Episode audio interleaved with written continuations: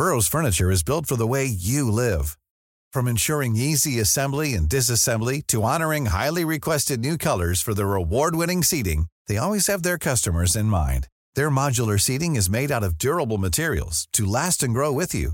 And with Burrow, you always get fast, free shipping. Get up to 60% off during Burrow's Memorial Day sale at burrow.com slash ACAST. That's burrow.com slash ACAST. burrow.com slash ACAST. Mother's Day is around the corner. Find the perfect gift for the mom in your life with a stunning piece of jewelry from Blue Nile. From timeless pearls to dazzling gemstones, Blue Nile has something she'll adore. Need it fast? Most items can ship overnight. Plus, enjoy guaranteed free shipping and returns. Don't miss our special Mother's Day deals. Save big on the season's most beautiful trends. For a limited time, get up to 50% off by going to Blue Bluenile.com. That's Blue Bluenile.com. There's never been a faster or easier way to start your weight loss journey than with PlushCare. PlushCare accepts most insurance plans and gives you online access to board-certified physicians who can prescribe FDA-approved weight loss medications like Wigovi and Zepbound for those who qualify. Take charge of your health and speak with a board-certified physician about a weight loss plan that's right for you. Get started today at plushcare.com slash weight loss. That's plushcare.com slash weight loss. plushcare.com slash weight loss.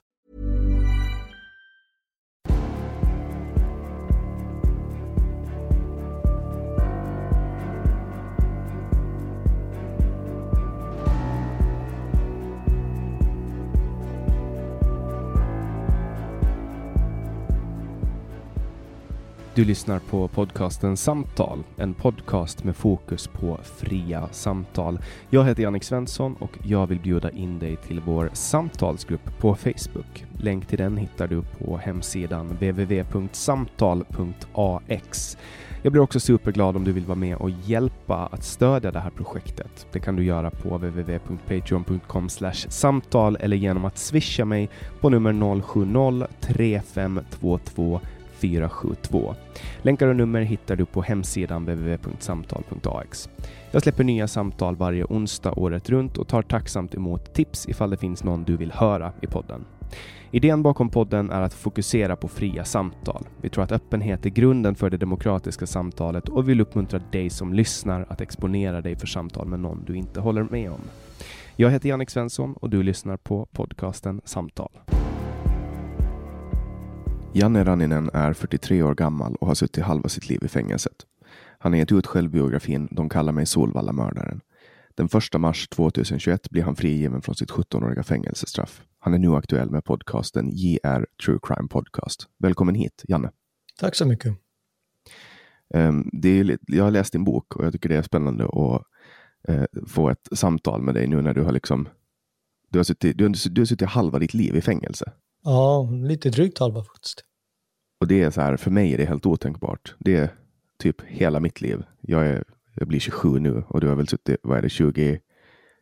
23. 3, 23 år i fängelse. Mm. Um, jag vet inte ens var vi ska börja med, med det här samtalet, men jag kan, väl, jag, kan väl, jag kan väl inleda med att berätta att varje gång jag är på Solvalla ja. Så blickar jag upp mot eh, mot hallen där det hände och så tänker jag liksom, ja ah, men där har det skett ett mord. Mm. Det är lite mytomspunnet och att det har hänt grejer. Det har hänt flera saker på Solvalla, men, men just det här mordet. Eh, jag, vet inte hur vi, jag, vet inte, jag vet inte hur vi inleder det här. Ska vi börja med Ska vi börja med att låta dig presentera dig själv? Jag vet inte. Du kan väl ställa frågor så vi. Om vi tar, om vi tar bort alla de här fängelseepiteten, liksom att du är du är dömd mördare, du har suttit inne för det här och det här. Och om, vi ba, om jag bara frågar dig så här, vem är du? Vem jag är? Ja. Jag är en 43-årig man som är i slutet av sitt livstidsstraff just nu. Jag är en familjefar. Jag är en företagare. Och författare. Och det är väl det. Mm. Och nu kommer ju du ut från från fängelse. Vad, vad, kommer du att göra nu? Du kommer att göra den här podcasten, JR True Crime Podcast. Ja, bland annat. Min podcast släpper jag nu och så släpper jag en bok, nu, en ny bok nu i februari.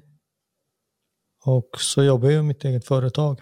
Jag gör hemsidor åt andra företag. Och Njuter av friheten helt enkelt. Spenderar tid med min familj. Och, och boken som kommer nu, den är i början då på finska. Ja, det är på finska eftersom den utspelar sig i finska fängelser. Det är en bok som... Det är massa roliga historier så att säga sammansatta. Allt som jag har upplevt på de finska fängelserna och som jag har hört, som jag har sett. Så det blir en sån, mitt i allt det här coronaeländet så kommer det lite komedi också. När, när kommer svenskspråkiga att få njuta av det här? Jag vet inte. Vi har diskuterat med svenska förlag, men vi har inte kommit så långt ännu. Det är så mycket annat på G här också, men det, jag hoppas att den blir översatt, men jag kan inte lova någonting. Mm. Och, och, din podcast, och den kommer att komma på svenska? Den kommer både på svenska och finska. Den är också i början bara på finska.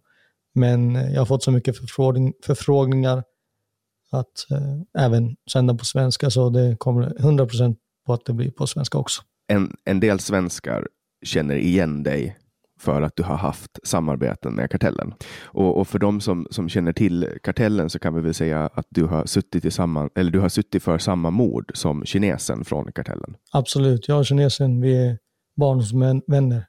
Och kinesen skrev in mig som en av grundarna till kartellen. Babyface kallades jag för där. Men jag, ska, satt... men jag ska inte ta ära för det, utan det, det var Leos grej. Det var det faktiskt. Han ska ha ära mm. för det. Ja. Men då, då ska vi bara, för jag tänker bara att det är ganska många som, som säkert eh, vet vem du är därifrån också. Ja. För att du har liksom funnits i dem. Och, och alla som vet eh, vilka kartellen var, för, för de finns väl inte längre, men Nej. vet vem kinesen är. Mm. Och han kommer väl också ut snart? Ja, han kommer väl ut ungefär vid samma tider som mig. Så ni fick exakt eh, lika långt straff? Nej, jag blev gripen tidigare, så han fick lite kortare än mig. Så vi tre stycken som var på plats blev dömda som gärningsmän och Leo blev dömd, kinesen då, han blev dömd för anstiftan till mord. Hur känns det? För att om, för, som jag förstår det ur boken så, så var inte du och handgripligen med och, och mörda.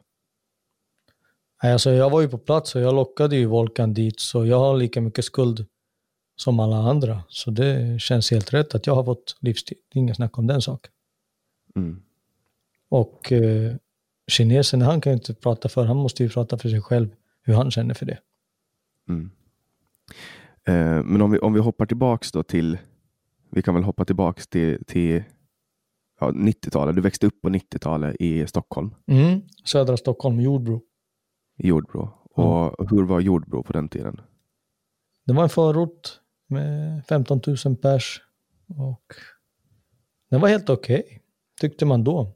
Man förstod inte hur jävla nedgånget det var, hur mycket problem. Sociala problem, ekonomiska problem, missbruksproblem och allt det här. Utan man anpassade sig väl. Som, som barn tyckte man var, det var, det var okej. Okay. Utomhusbad och centrum och hänga där. Men nu när man ser tillbaka på det förstår man att det, det var ju bara det är katastrof de där förorterna. När var du där sist? 17 år sedan, före jag torskade för det här. Har du hört någon rapport om hur det ser ut där idag? Nej, men jag har ju kontakt, kontinuerlig kontakt med folk som bor där, så jag hör ju hur det är ännu mer nedgånget nu och det är ju bara värre och värre. Mer missbruk, mer sociala problem, mer ekonomiska problem där borta. Det har inte blivit bättre. Och, och du lekte i det här som barn? Mm, absolut. Vi lekte och vi gjorde bus och massa otyg som alla andra. Och sen eskalerade det så började vi göra brott som inte alla andra, utan vi tog det till en värre nivå. Hur var, hur var skolan då? Var, var skolan bra? Fanns det vuxna runt om er som det fanns var bra förebilder? Det fanns väl lite bra, men det var inga förebilder direkt. Vi, förebilderna, våra förebilder var de kriminella de äldre kriminella i Jordbro. Det var de vi såg upp till. Eller jag, så jag kan inte prata för alla, utan jag såg upp till dem och jag tänkte att det, mm, det är det jag ska göra karriär på. Och skolan, den var inte helt nedgången, utan det fanns ju bra lärare och så, men utanför skolan fanns fritidsgårdarna var stängda och så här, så det fanns inte mycket att göra. Så det var ju då man började göra allt annat skit. Och, och, du sa att du ville bli kriminell. Att det var liksom din, dina förebilder var kriminella och att det var det du ville göra? Ja, det var både det man ville göra och det man eh, pushades till så att säga. Jag hade ju resurser att bli annat. Jag, jag menar, det att jag, jag var inte dum. Utan eh, det var mer dåligt självförtroende som spelade in där. Och sen att man ville ha acceptans. Man sökte bekräftelse helt enkelt. Man hade en bekräftelsebehov.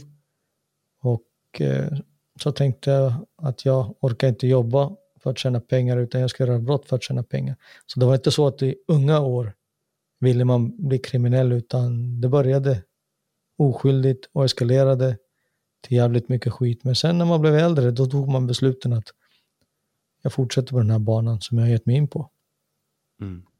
Och Du skriver mycket om din identitet i boken, alltså att du, du kommer, alltså dina, dina föräldrar kom från Finland mm. eh, och du hade en indirekt anknytning till Finland genom din mamma och det hon gjorde ja. eh, när hon var ute och dansade och så. Men, men du var ändå i Sverige och var på något sätt inte som de andra i Sverige.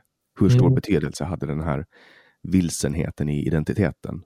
Den hade väldigt stor betydelse. Jag är andra generationens Sverigefinne.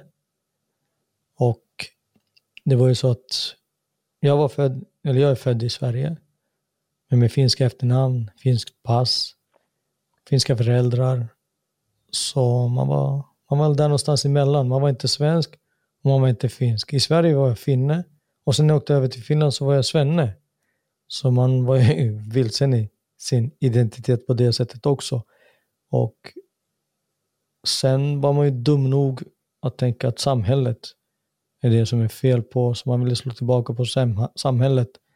Man tänkte att nej men, vad fan ska jag vara en del av samhället för? Varför ska jag lyda samhällets regler och lagar när inte jag får vara en del av samhället?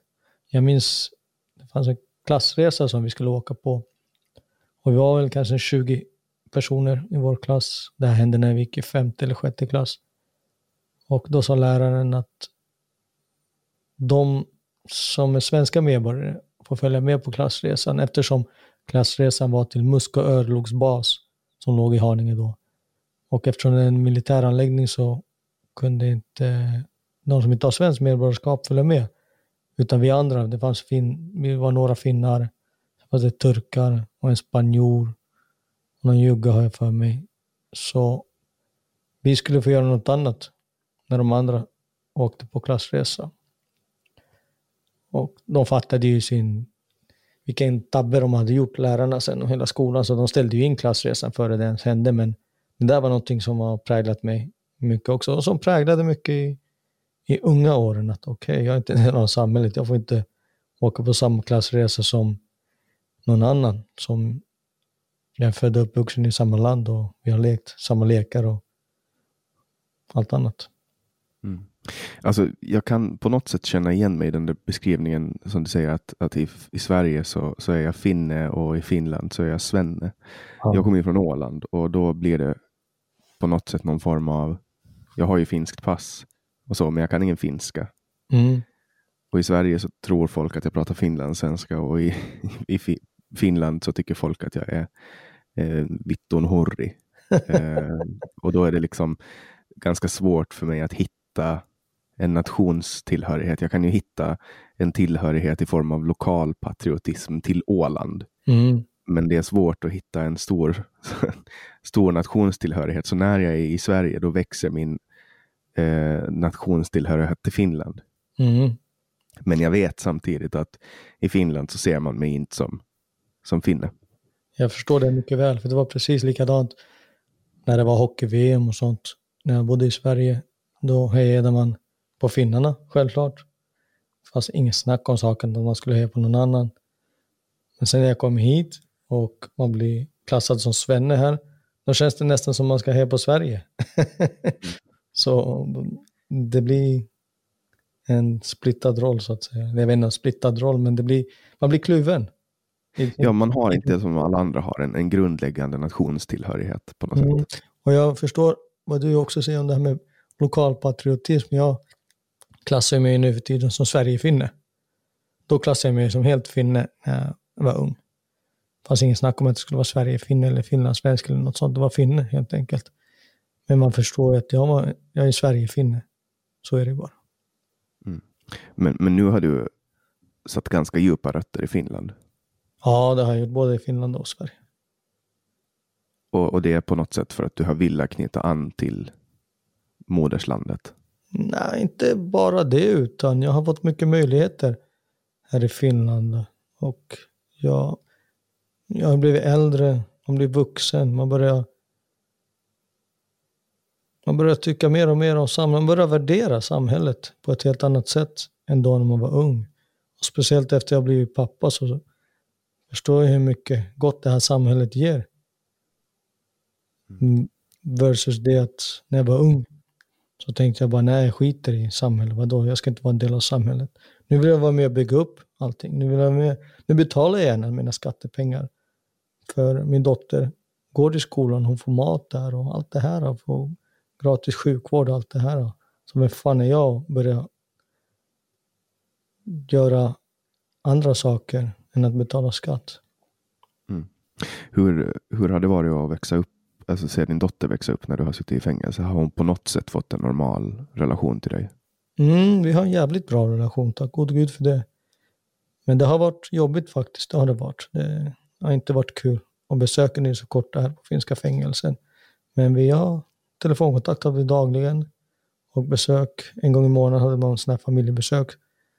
Tre timmar och så varje helg kunde man ha sådana här besök. Men då var det plexiglas emellan, så det var verkligen kul. Och det är någonting jag ångrar väldigt mycket, att hon har tagit skada på grund av mina dåliga val som jag gjort i livet. Men nu har vi en bra relation och hon mår bra. Och, men hon, hon kom till i fängelset kan man säga. Mm, absolut. Så, så det är det enda hon vet egentligen.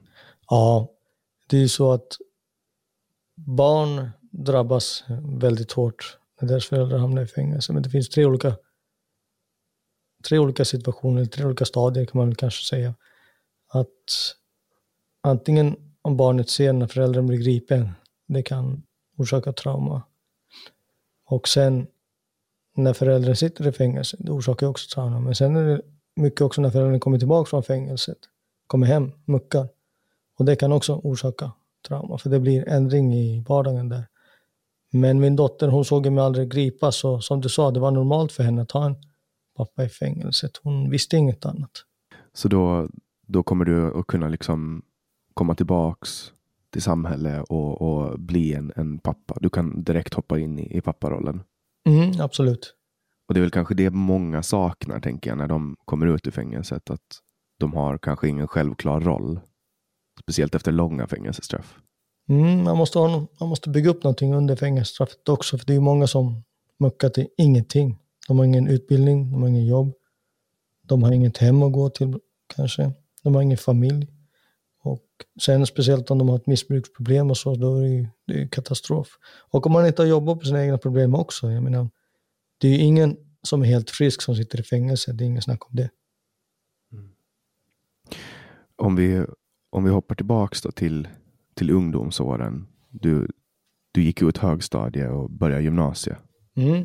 Var det där problemen började med, med lite grövre kriminalitet? Ja, det började väl lite...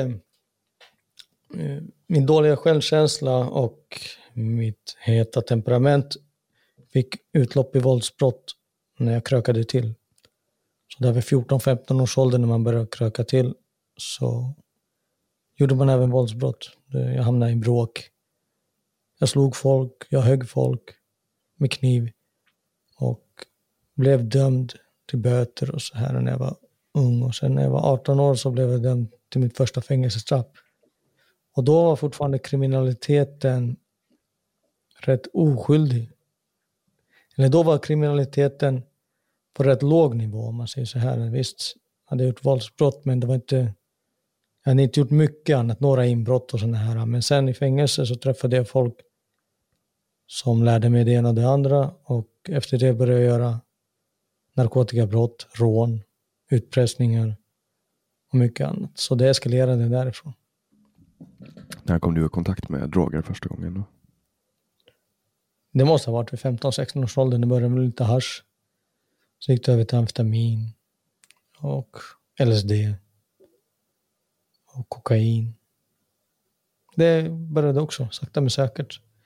Och sen till slut så festade man på rätt ordentligt. Ja, ni tog nästan kokain varje dag? Ja, när, när vi var vid 20-årsåldern. Ja, det gjorde vi. Mm. Det var då när vi hade stora mängder av kokain som vi sålde också. Så. Det Fanns det något samband mellan, mellan eh, kriminaliteten och drogerna? Att du använde droger för att på något sätt dämpa känslorna? Eller var det eh, stadiet du hamnade i när du tog droger som gjorde att du var mer benägen att bli kriminell? Ser du något samband mellan dem? Nej, det gör jag faktiskt inte. Jag har aldrig behövt dämpa mina känslor genom droger. Alkoholen var väl kanske det att man vad heter det, flydde in i alkoholen och mådde bättre av det. Men det var inte det. Själva drogerna var väl festandet. För jag, har, jag har aldrig varit den som varit helt beroende. Jag har använt det mycket som festande. Och sen att göra brott när man är påtänd, det, det är helt katastrof. Ett enda rån har jag gjort. Eh, kokainpåtänd. Och det rånet var det sämsta jag gjort i hela mitt liv. Så det är inte så att jag har behövt ta droger för att göra brott. Utan när jag gör brott så då vill jag vara nykter och ha kontroll över situationen. Mm. Och hur gammal var du när du blev inblandad i organiserad kriminalitet? Det kan ha varit där vid 19 års åldern. Och det var det som sen ledde fram till slutligen att du begick det här mordet på, på Solvalla? Ja, visst. Det gjorde det. Kan du, kan du berätta bakgrunden till varför du valde att mörda Dragan Juksovic?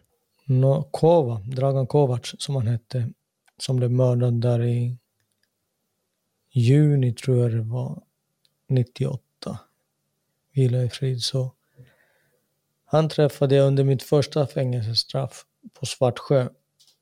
Och vi hade ingen kontakt sen efter det, men vi bodde i samma cell på Svartsjö, lärde känna varandra. Och sen eh, höll jag på med mitt. Och sen tog det väl ett och ett halvt år ungefär, jag var vid 19 års åldern, 19-20 års åldern, så tog han kontakt. Han hade fått problem med Joxo. Han var ju nummer två så att säga i deras organisation. Han var ju också partner, kumpan, jag vet inte vad man ska kalla det. Och vilken, vad hette den här grupperingen? Det var Juggarna. Jag, jag vet inte vad de, de har väl ingen namn. Juggemaffian kallar väl dem. Det var bara Juggemaffian? Okay. Ja, ja. Jag vet inte vad, om de hette något annat, men det är väl vad de kallas för i media. Så det blev intern strid där och Kova tog då kontakt med mig och mina vänner genom att han kände mm, en som stod oss nära. Och Volkan då, han eh, ville upp i gamet så att säga. Och Volkan, det var din bästa kompis? Ja, det var min bästa vän. Han ville upp i gamet så vi började prata där om att ja, vi, varför inte? Vi kan väl hjälpa till, komma med hans problem. Och så velade det fram och tillbaka där rätt lång tid. Men sen så, vad heter det, fick motståndarsidan ju också de, då reda på att vi var inblandade i det. Så Volkan fick ett samtal hem till sig var de hotade, han och hans familj. Och det var väl det som sen fick mig att bestämma mig för att göra det hela. Att jag ställde upp för mina vänner. Och sen körde vi igång på allvar. Vi letade efter jag också. Och, och då var du redan van med skjutvapen? Ja, vi var beväpnade. Och När kom du i kontakt med skjutvapen och, och sånt? Det var vid 18-19 års åldern. Jag köpte min första pistol då. Så mm, ja, vi letade efter. Jag också och de letade efter oss. Och vi spanade på varandra helt enkelt. Vi bodde i olika lägenheter. Kunde inte vara mer än tre nätter i samma lägenhet så var man tvungen att byta för att inte motståndarsidan skulle få syn på en och tag på en. Och så höll det på så där fram och tillbaka och det var ju påfrestande och ville att någonting skulle hända.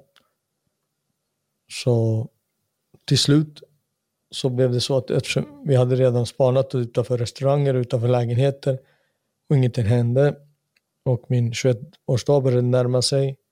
Och jag visste att i Sverige kan man inte bli dömd till livstid om man under 21 och gör ett mord. Så slängde jag upp idén att om eh, det händer någonting efter jag eh, är 21 och jag blir dömd, då kan jag bli dömd livstid. Men inte när jag är under 21 så nu får vi skynda oss på lite grann. Och då skrattade de andra och sa, nej men vadå, vi ska inte torska för det här. Så, nej, vi ska inte torska, men det finns alltid en risk för det. Så började vi planera mer och mer och där, där sattes fröet i mig och då, sen till slut så sa jag att, för jag visste att han var på Solvalla ofta. Då sa jag att om jag åker ut på Solvalla helt ensam och klipper han där så är det bara jag som åker fast och det var jag som tar mitt straff och inget mer än så.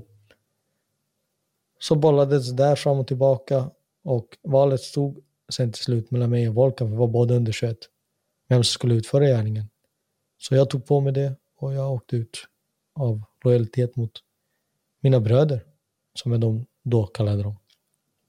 Och hur kändes det då när du, du, hade en, du hade en pistol med dig och du var på väg ut till Solvalla och du visste att du kommer att bli arresterad om ja. du lyckas genomföra mordet och du kommer att få sitta i fängelse. Hur kändes det då? Jag åkte ut med en Glock då och vad heter det, det kändes inte bra. Man var ju väldigt nervös.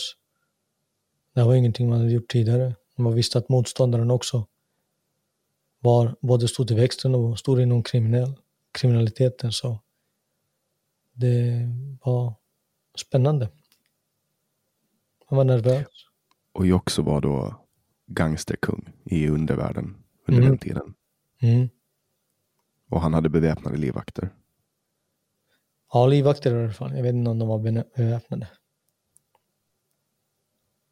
Men du utsatte i alla fall dig själv för, för livsfara. Ja, absolut.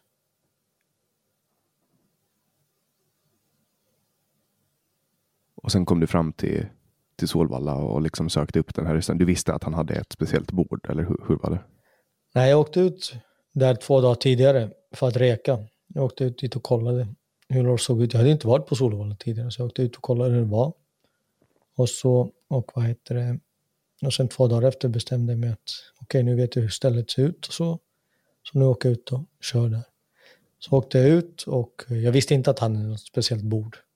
Utan jag satte mig där vid kassorna och väntade på att han, jag skulle se han helt enkelt. Och till slut så kom han där och då gick jag och sköt honom och tog livet av honom. Och det var en sal full med folk? Mm, det var det. det var och hur kändes de här stegen fram till honom? De var tunga. Det var jobbigt. När jag reste mig från stolen så var det som att benen inte bärde. Men jag var bara tvungen att stålsätta mig helt enkelt. För att utföra det som jag hade åtagit mig att göra. Var det någon som reagerade på ditt beteende? Nej, inte då.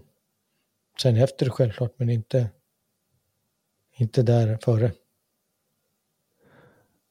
Såg du honom i ögonen när du, när du tryckte på Nej, det gjorde jag inte.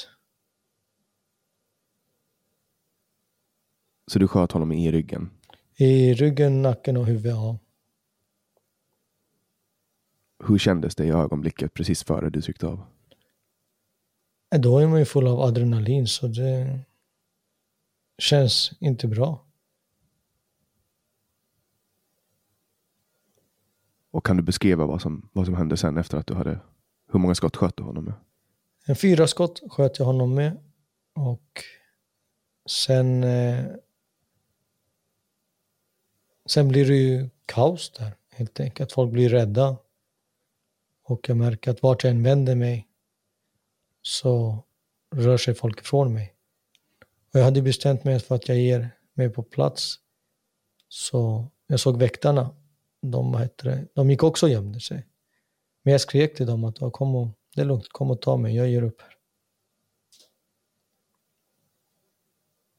Och så kastade du bort pistolen? Ja, de bad mig lägga ner pistolen och flytta mig ifrån den några meter. Så det var så jag gjorde. Jag la ner pistolen på marken där och så tog jag några steg bakåt. Och så bad de mig lägga mig ner på marken. Och jag la mig ner på marken och så kom de och satte bojor på mig. Och inom loppet av vilken tid skedde det här? Du gick fram till Joxo? Några minuter. Minut, två minuter. Vad, vad gick i ditt huvud då? Jag vet inte, det var väl fu- fullt bara, men som jag sa till dig, adrenalinet pumpade helt och, helt och hållet då, så det var det var väl adrenalinpump helt enkelt. Kände du att jag har lyckats med det jag ska, ska göra? Kände Ja, du dig? Ja, sen uppfylld? efter, men, men det är, man är ingen lyckad person om man tar livet av någon, så det är inte, det är inte så att man mådde bra av att ta livet av någon.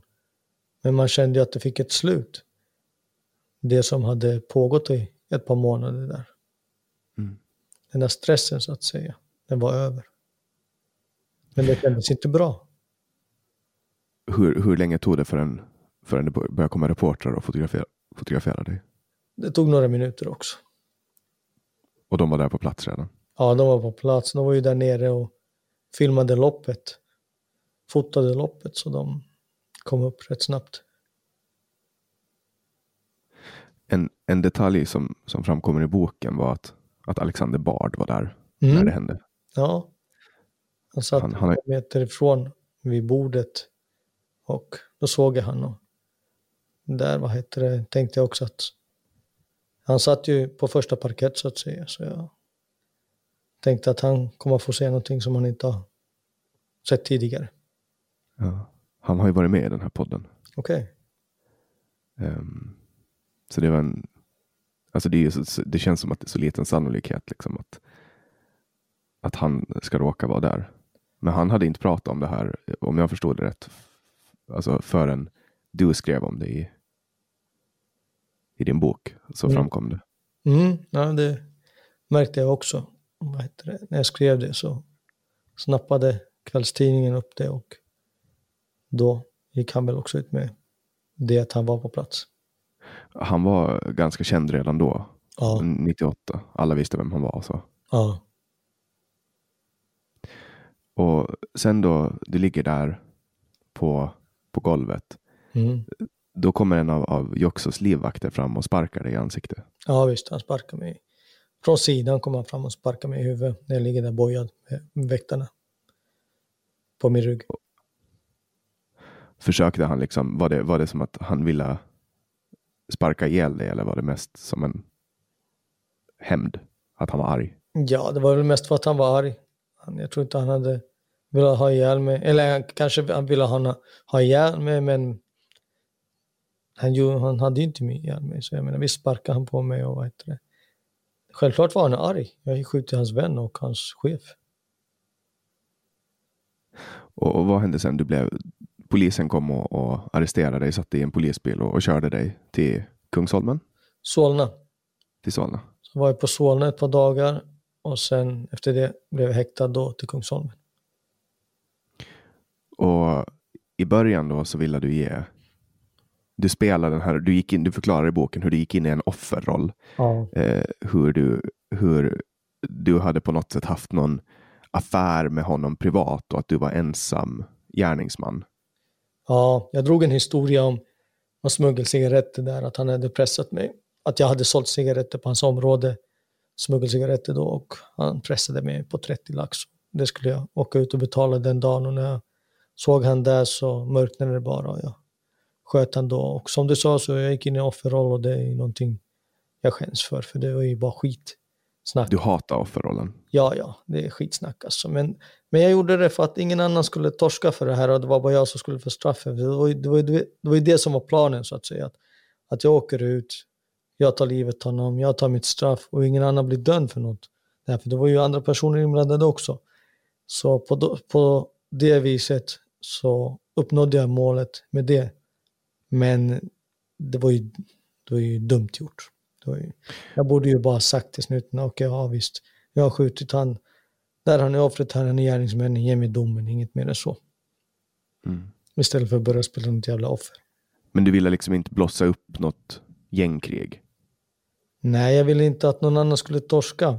Gängkrig spelar ingen roll, för alla visste ju ändå hur, hur det låg till. Men för polisen och rättsväsendet. Jag vill inte att de skulle få fast någon annan som Mm. skulle bli dömd för det, någonting jag har gjort.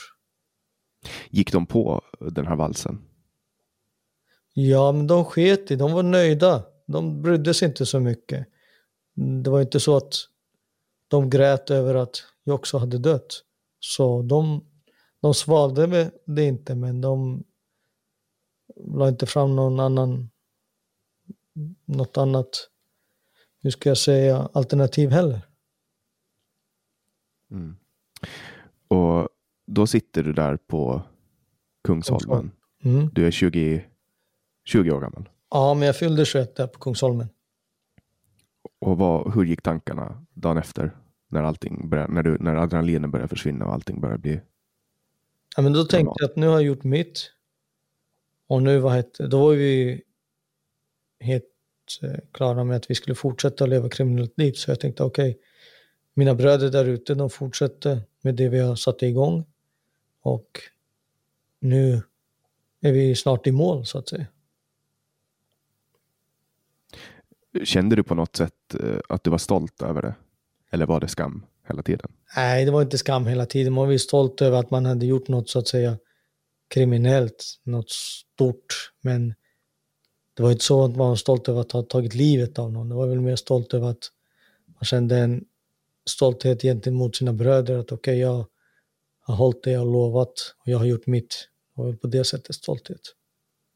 Det var skevt tänkande. Och när började polisförhören? Var det samma dag eller? Ja, det var direkt samma dag. Hur många polisförhör blev det? Var det många timmar? Ja, jag vet inte. Det var några timmar. Jag vet inte. Fick du läsa tidningar och sånt i häktet? Nej, inte i början. Först hade jag fulla restriktioner. Så vad kan det vara? Kanske efter en månad fick jag börja läsa tidningar. Och efter två, två månader var ju rättegången. Så det gick ju snabbt.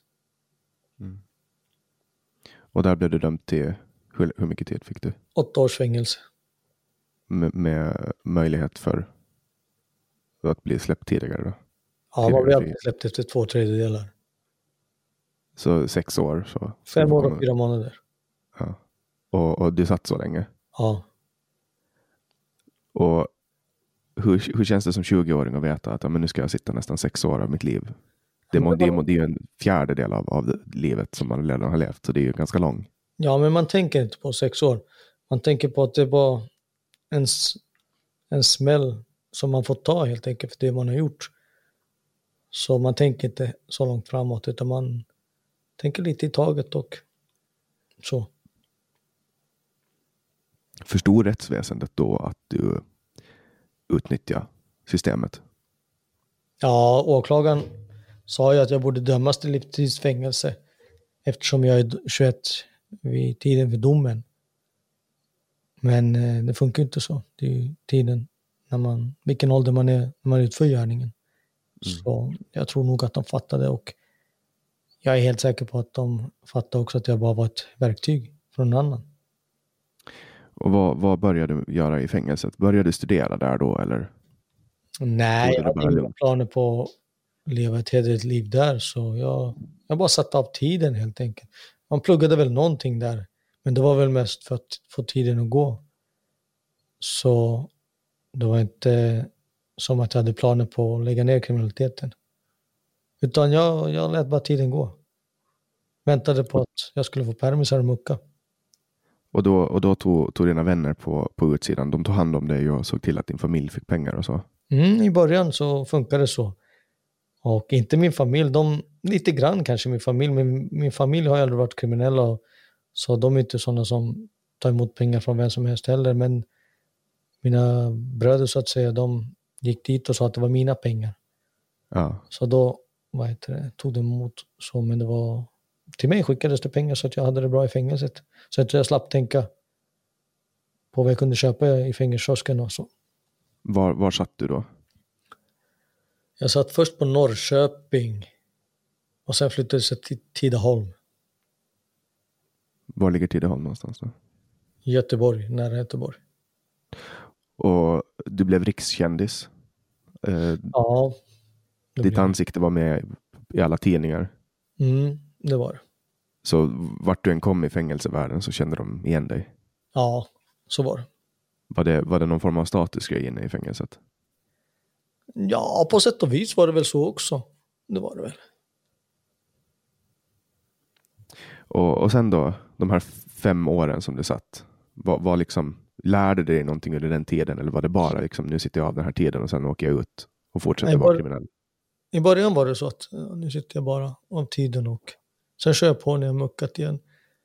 Eh, men sen sakta men säkert började jag bli äcklad på det där. För det var, det var, det började förändra sig, kriminaliteten och sen Volkan som då var min bästa vän så han började väl också förändra sig där under fängelsestraffet och visst skickade han in pengar så men det blev bara sämre och sämre och Eh, en gång så ville han att jag skulle pressa någon inifrån fängelset, utpressa någon då genom telefon för att han skulle få pengar där. Så det blev sådana skumma grejer så jag tänkte nej jag, jag vill ta avstånd till det här, det här är inte min grej helt enkelt. Och så sökte jag till Finland sen och sitta av resten av straffet. Jag blev flyttad till Finland och här började jag tänka i andra banor. Tänkte att nej, jag ska lägga ner kriminaliteten. Men eh, det där satt ju så djupt i mig så jag tog kontakt med kriminella här i Finland på kåkarna. Det var inte så att jag började hänga med folk på kåkarna som hade gjort mindre brott utan det var ju de grövre brottslingarna som jag började hänga med här. Så du började knyta kontakter i Finland då? Ja, det började jag göra. Och, Redan i fängelse då, som 24, Ja. 23-24-åring? ja, visst. Då tänkte jag att nej, men jag ska fortsätta kriminaliteten. Men sen började jag plugga här så tänkte jag att det kanske finns något annat jag kan göra än kriminaliteten. Men sen, eh, jag höll ju kontakt med Volkan och dem under hela straffet. De kom och besökte mig på kåken och sen när jag fick permisar så kom de och besökte. Så jag menar, vi var ju nära. Alltså det var kluvet. Vissa dagar ville jag lägga ner helt och hållet och vissa dagar ville jag köra på inom kriminaliteten så att säga. Och jag hade permisar. Volkan och de kom och besökte mig här i Finland på mina permisar.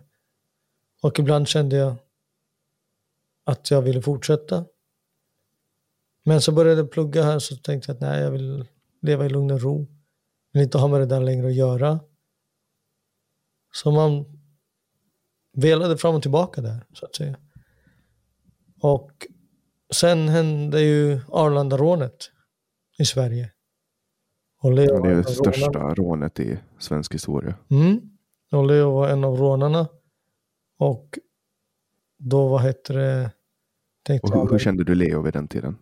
vi var barndomsvänner från Jordbro. Vi var inte bästa vänner från Jordbro, vi var barndomsvänner. Vi hängde någorlunda under barndomen, eller under, när vi var unga. Inte så mycket, men sen där vid 20-årsåldern så började vi hänga mera. Så Eh, han gjorde rånet där. Och då förstod vi att nej, vi må, det är bara att köra på, det är inget snack om saker. Nu har vi verkligen nått dit vi ville allihopa. Nu kan vi hjälpa varandra och stötta varandra. Så vi tänkte att det här, det här var lösningen på allting helt enkelt. Men där började det verkligen de större problemen sen som ledde till en tragedi. tragedi ursäkta. Och, och då var du liksom i samma gruppering som Leo. Och gruppering och gruppering, vi var vänner men det var, det var inte som att vi var inget gäng eller något sånt. Vi var vänner helt enkelt. Och mm, du kom ut som 25-åring då. Ja, Och hur, hur var första dagen ute när du kom ut och igen i frihet? Första dagen ute, jag hade hyrt en lägenhet i Helsingfors och njöt, det var sommar och vad heter det, jag njöt väl på sätt och vis men det hade ju blivit katastrof eh, ett år tidigare i och med efterdyningarna av rånet, Arlandarånet. Så på det, på det sättet var det inte bra, men det var skönt att mucka. På vilket sätt, var du, på, på vilket sätt påverkade dig det här rånet då? No, Le- Volkan hade stulit en del av rånbytet. Och han ville ta livet av Leo. Och Volkan ville att jag skulle vara på hans sida. Och Leo ville att jag skulle vara på hans sida. Så jag var ju där i början så visste jag inte hur man skulle ställa sig till det hela. Men sen när jag fick reda på att han hade snott pengar och speciellt när jag fick reda på att han hade gått till snuten och golat och berättat information om rånet. Så då beslutade jag mig för att ställa mig helt och hållet på Leos sida. Så då kommer du ut som, som 25-åring och det första som händer är egentligen att du bestämmer dig för att mörda din bästa kompis? Ja, det, hade bestämt mig, det hade bestämt mig redan när jag satt. Mm. Mm. Men, men den här gången så var inte planen att du skulle åka fast? Mm, absolut inte. Först var tanken på att vi skulle locka honom till Sverige, ta livet av honom där. Men jag visste att han var vaken. Han var ingen dum person. Så han var vaken där. Så jag tänkte okej, okay, jag försöker väl locka honom hit till Finland. Kanske får honom hit och så att jag kan ta livet av honom här. Eller jag vill inte vara den som tar livet av honom utan vi outsourcar det sen till, till slut till ett par torpeder här. Som sen eh, även tog livet av honom. Mm. Men, men eh, det var en ganska, ni planerade ganska i detalj hur ni skulle få in honom i, ett, i en lägenhet och det, det var någon drogaffär som ni hade planerat på något sätt som um, kan du berätta lite om hur ni, hur ni fick dit honom till den här lägenheten där allting skedde? Men det var ju så att jag hade ju kontinuerlig telefonkontakt med Volkan efter rånet. Jag hade även kontinuerlig telefonkontakt med Leo efter rånet. Så jag visste ju vart Volkan höll hus och han klev in på vittnesskyddsprogrammet där i Sverige. Han klev ut ur det. Så klev han in igen. Och så klev han ut. Han åkte till Turkiet ibland. Och sen så sa jag till honom att kom hit till Finland. Vad fan ska du där i Turkiet? Vad ska du där vittnesskyddsprogrammet? Så han klev ur där, vittnesskyddsprogrammet och kom över till, eller jag hämtade honom från Värtahamnen i Sverige. Vi åkte över hit till Finland. Han bodde hos mig i tre veckor och under den tiden planerade vi olika ställen, olika scenarier på hur vi skulle ta livet av honom. Så det slutade... Och då var kinesen också i Finland? Han var en vända i Finland. Men eh, han åkte tillbaka sen. Det var efter det vi outsourcade till eh, torpederna här i Finland. Och, och sen då ni lyckades få in honom i en lägenhet? Ja, jag sa till honom att vi ska åka ut till en förort och köpa ladd kokain då. Så han hängde på där. Vi åkte ut. Och planen var att jag skulle lämna honom där med de två andra. Åka in till stan. Och de skulle klippa honom. Eller åka iväg och klippa honom och begrava honom någonstans. Och att jag skulle vara inne i stan och festa. Då. Så han skulle bara försvinna helt enkelt. Men det var, blev fel i kommunikationen och det, klippningen började redan när jag var i lägenheten. Så då var det för sent. Då blev han, han blev slagen med ett basebollträ och en av torpederna ströp honom till döds. Där. Och du, du bevittnade det här då? Ja, jag såg hela händelsen. Och på vilket sätt? För, sen försvann ju han. Ni åkte inte fast på kvällen av, av mordet? Nej, vi åkte fast tre, fyra månader efter. Hur, hur, fick de, hur fick polisen reda på att ni hade varit inblandade? Nu i efterhand så visste polis, vet vi att polisen visste om det hela tiden för narkotikarotens chef i, här i Finland blev precis för två veckor sedan dömd till livstid för att ha vetat om det här mordet och att han inte har gjort någonting för att förhindra det. Så polisen visste om det hela tiden. Alltså under 2020 så blev? Ja, nu 22 december 2020 blev polischefen dömd till livstid för det här mordet som jag ska, precis ska mucka från. Wow, och var det samma kille då inom polisen som, hade, som var en stor knarkförsäljare? Ja, exakt. Han, han blev dömd först i tre år för mutor och sen fick han tio år för knark och nu fick han livstid för det här mordet. Okej, så han, han visste alltså om det här hela tiden? Han hade buggat er på något sätt? Då? Han hade en eh, informatör som berättade till honom precis i detalj när det skulle ske och hur det skulle ske. Och han vidtog inga åtgärder. Så han blev dömd till livstid nu.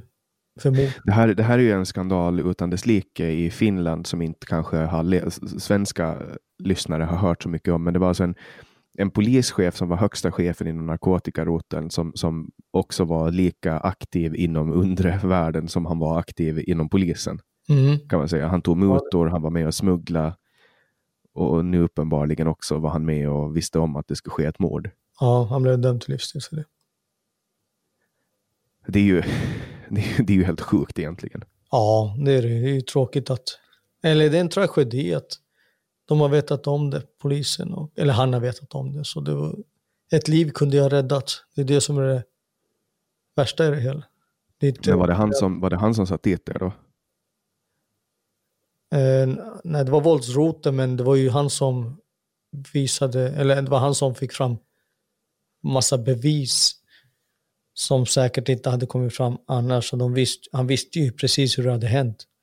Så han, för, våldsroten visste ju det även sen också. Och det var telefonsamtal och sånt de använde. Ja, det var, fanns några telefonsamtal som de band och sen fanns det fyra droppar blod, blod i lägenheten och något sånt här. Ja. Kände du då att det var någonting skumt att de hade kommit på? Ja, absolut. Det var ju, jag märkte ju det på frågorna och så märkte jag det på i rättegången också. Jag märkte att de vet ju mer än vad de vill lägga fram. De var ju så, så säkra på sin sak om allting. Och så var det mycket skumt också. Till exempel, han som förhörde mig, han var från narkotikaroten och jag frågade han vad fan en snut från narkotikaroten gör i ett mordärende. Och då sa han att eftersom han kan svenska, så är det därför han förhör mig för att han eh, gick igenom mina telefonsamtal som var på svenska när jag ringde till Sverige och så. Så jag visste att det var skitsnack, så det fanns ju poliser inom eh, våldsroten som också kan svenska. Och så Och de- mycket annat smått också som har märkt att det är något, det är något som är knas. Och de genomförde hela utredningen utan att hitta hans kropp. Mm, det gjorde de. De har fortfarande inte hittat kroppen. Nej, det har de inte gjort. Men med de där fyra dropparna blod och att han försvann så kunde de liksom bevisa att han var död. Bland annat, det fanns en bugg på ett hotellrum två veckor efter som en av gärningsmännen berättade en massa saker om hur mordet hade gått till och så. Så det var ju också, det användes också som, som bevisning mot oss. Och det var någonting som polisen hade satt in för att alltså- de visste att han skulle bo där? Eller? Vad sa du? Hade de satt in den här buggen för att de visste att, att han skulle bo där?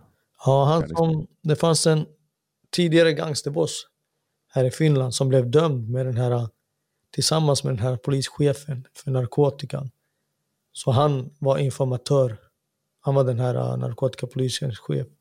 Eller narkotikapolisens informatör. Så den här uh, narkotikapolisens chef hade bett honom boka rum precis på ett ställe var de buggade sen. Så, och sen hade han bett honom babbla där. Så de laddade där och de drack där och så babblade han massa saker som man inte får prata om. Mm. Och det är ju olagliga bevis. Alltså, då har de ju tagit fram bevis som är olagliga. Nej men det har de ju rätt till att bugga. Jo, men får man brottsprovocera på det sättet, tänker jag. Men det är bevis, jag tror det är mer bevisprovokation eh, än brottsprovokation där. Men hur som helst så, de hade ju allting redan, de visste ju allting redan. De behövde bara ha något konkret för att visa upp. För att inte avslöja sina hemligheter, det de eh, vet om i det dolda så att säga. Visste du då vem den här polischefen var? Nej. Han hade säkert hört talas om ha- hans namn eller någonting, men nej, jag hade aldrig träffat honom. Och hade väl kanske sett hans namn på någon löpsedel eller något sånt där. Han var ju känd. då, ja, det är, men det är ju också så här att han kunde vara så länge engagerad i liksom grov kriminalitet. Alltså, han måste ju ha gjort det för att han trodde att det var rätt. Eller gjorde han det för att tjäna pengar själv? Jag vet inte vilka motiv han har haft, men det, det får fråga honom. Ja, det där är så sjukt. Det, det är så jävla sjukt att det kan hända. Liksom. Ja, verkligen. Är, är, är polisen i Sverige lika korrupt? Det vet jag inte. Jag, det, det får du fråga dem om. Okej, ja, men i alla fall. Så fyra månader senare, du levde, ni levde vidare och trodde att ni hade kommit undan med det här mordet, du och, och Leo. Ja, jag och Leo och de två andra som gjorde det. Och då var allting äntligen över.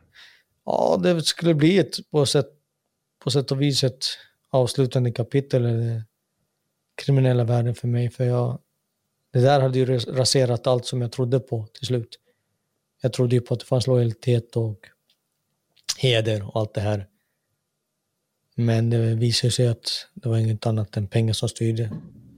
Så det, det var därför jag tog beslutet också. Eftersom jag ansåg att folk hade svikit mig helt och hållet och svikit allt det vi trodde på. Det var ju en skev tankebild vi hade då. Så. Ångrar du idag att du gjorde de här två, genomförde de här två morden? Absolut. Det ångrar jag helt och hållet. Jag, har ingen, jag hade ingen rätt som helst att ta livet av två människor. När kom du till insikten att du, att du var ångerfull? Jag tror det började det där med när jag blev pappa. Jag tror där fröet sattes i mig. Jag började värdera livet mer och mer. Och jag förstod hur mycket en nära familjemedlem verkligen betyder för någon. För visst har jag alltid älskat andra familjemedlemmar också, men när jag blev pappa så det blev en helt annan typ av kärlek mot sitt eget barn. Och det var väl där jag började med, mer och mer tänka på vad fan jag har gjort egentligen. Så när du, när du åkte fast för det här mordet och blev dömd, då visste du att nu har du livstid i fängelse? Nej, jag trodde ju först att vi skulle gå loss. Det är klart, vi nekade ju till allting. Det var inte så att vi erkände. Utan vi nekade till allt och vi tänkte att vi ska gå loss. Och sen när vi inte gick loss tänkte vi okej, okay, vi ska rymma och vi ska fortsätta bara. Det här, för nu har det gått åt helvete. Även fast det skulle vara ett avslut. Men vi tänkte, vadå, fan här gick åt helvete. Så varför ska vi inte köra vidare? Men sen fastställdes livstidsdomen och sakta men säkert började man väl inse att okej, okay, nu sitter man lång tid. Och det här var 2000? 2004, 2005. Och då visste du att ja, nu kommer jag att sitta här fram till typ 2020 någonting? Ja, man tänkte inte så långt framåt. Precis som tidigare då, under tidigare straffet så tänkte man bara lite framåt. Inte allt för lång tid framåt. När började du? När, när kom insikten att nu, nu ska jag lägga ner kriminaliteten? Nu är det över? Jag tror det började rätt tidigt där vid straffet. Som jag sa till dig, när jag blev pappa. Jag blev pappa när jag hade suttit två och ett halvt år ungefär. Så då, då kom insikten och jag märkte även att jag kunde göra annat. Jag startade företag från, inifrån kåken och livnärde mig på det. Och familjen livnärde sig på det också, på utsidan. Det var redovisning? Ja, vi startade ett städföretag som eh, så hade vi estländska städare som städade här i Finland och jag vad hette det, skötte om bokföringen, faktureringen, kontakt med kunderna. Jag hade insmugglad telefon så jag kunde göra allt det där. Och så jag märkte att jag kan göra även annat. Men då visste jag att jag har så jävla lång tid att sitta så då kändes det lite som att fan, ja, det, det, går, åt, det går till spillo, det man kan. Så du sitter inne i fängelse, du mm. startar företag och, och sen fortsätter du plugga om jag förstår det rätt? Ja, jag fortsätter plugga och jag blir pappa där också. Jag fortsätter plugga och får även, jag ska inte säga en ny identitet, men det blir, blir friskare identitet så att säga. I och med att man växte i papparollen och att man fick sig utbildning och företaget gick bra och så. så. Det blev, man byggde på sin identitet där inne. Men du fick ändå motstånd från fängelsevakterna. De försökte göra det svårt för dig att, att genomföra ditt jobb och så. Ja. Det var inte så att du fick hjälp att bli rehabiliterad. Nej, det fick jag verkligen inte. För jag var ju klassad som grovt kriminellt och, och som en person som säkert inte hade några som helst tankar på livnära sig lagligt i framtiden. Så jag flyttades från kåk till kåk och blev placerad på bunken då och då. Och man jävlades helt enkelt med mig. Och vad, vad, vad liksom, vet du vad anledningen till det var? Att man höll på att bråka? No, anledningen var väl att visst var jag säkert en tongivande figur på kåken, det är inget snack om det. Så det, när man är en tongivande figur så då får man rätt par smällar. Och då är det så jävla lätt för kriminalvården att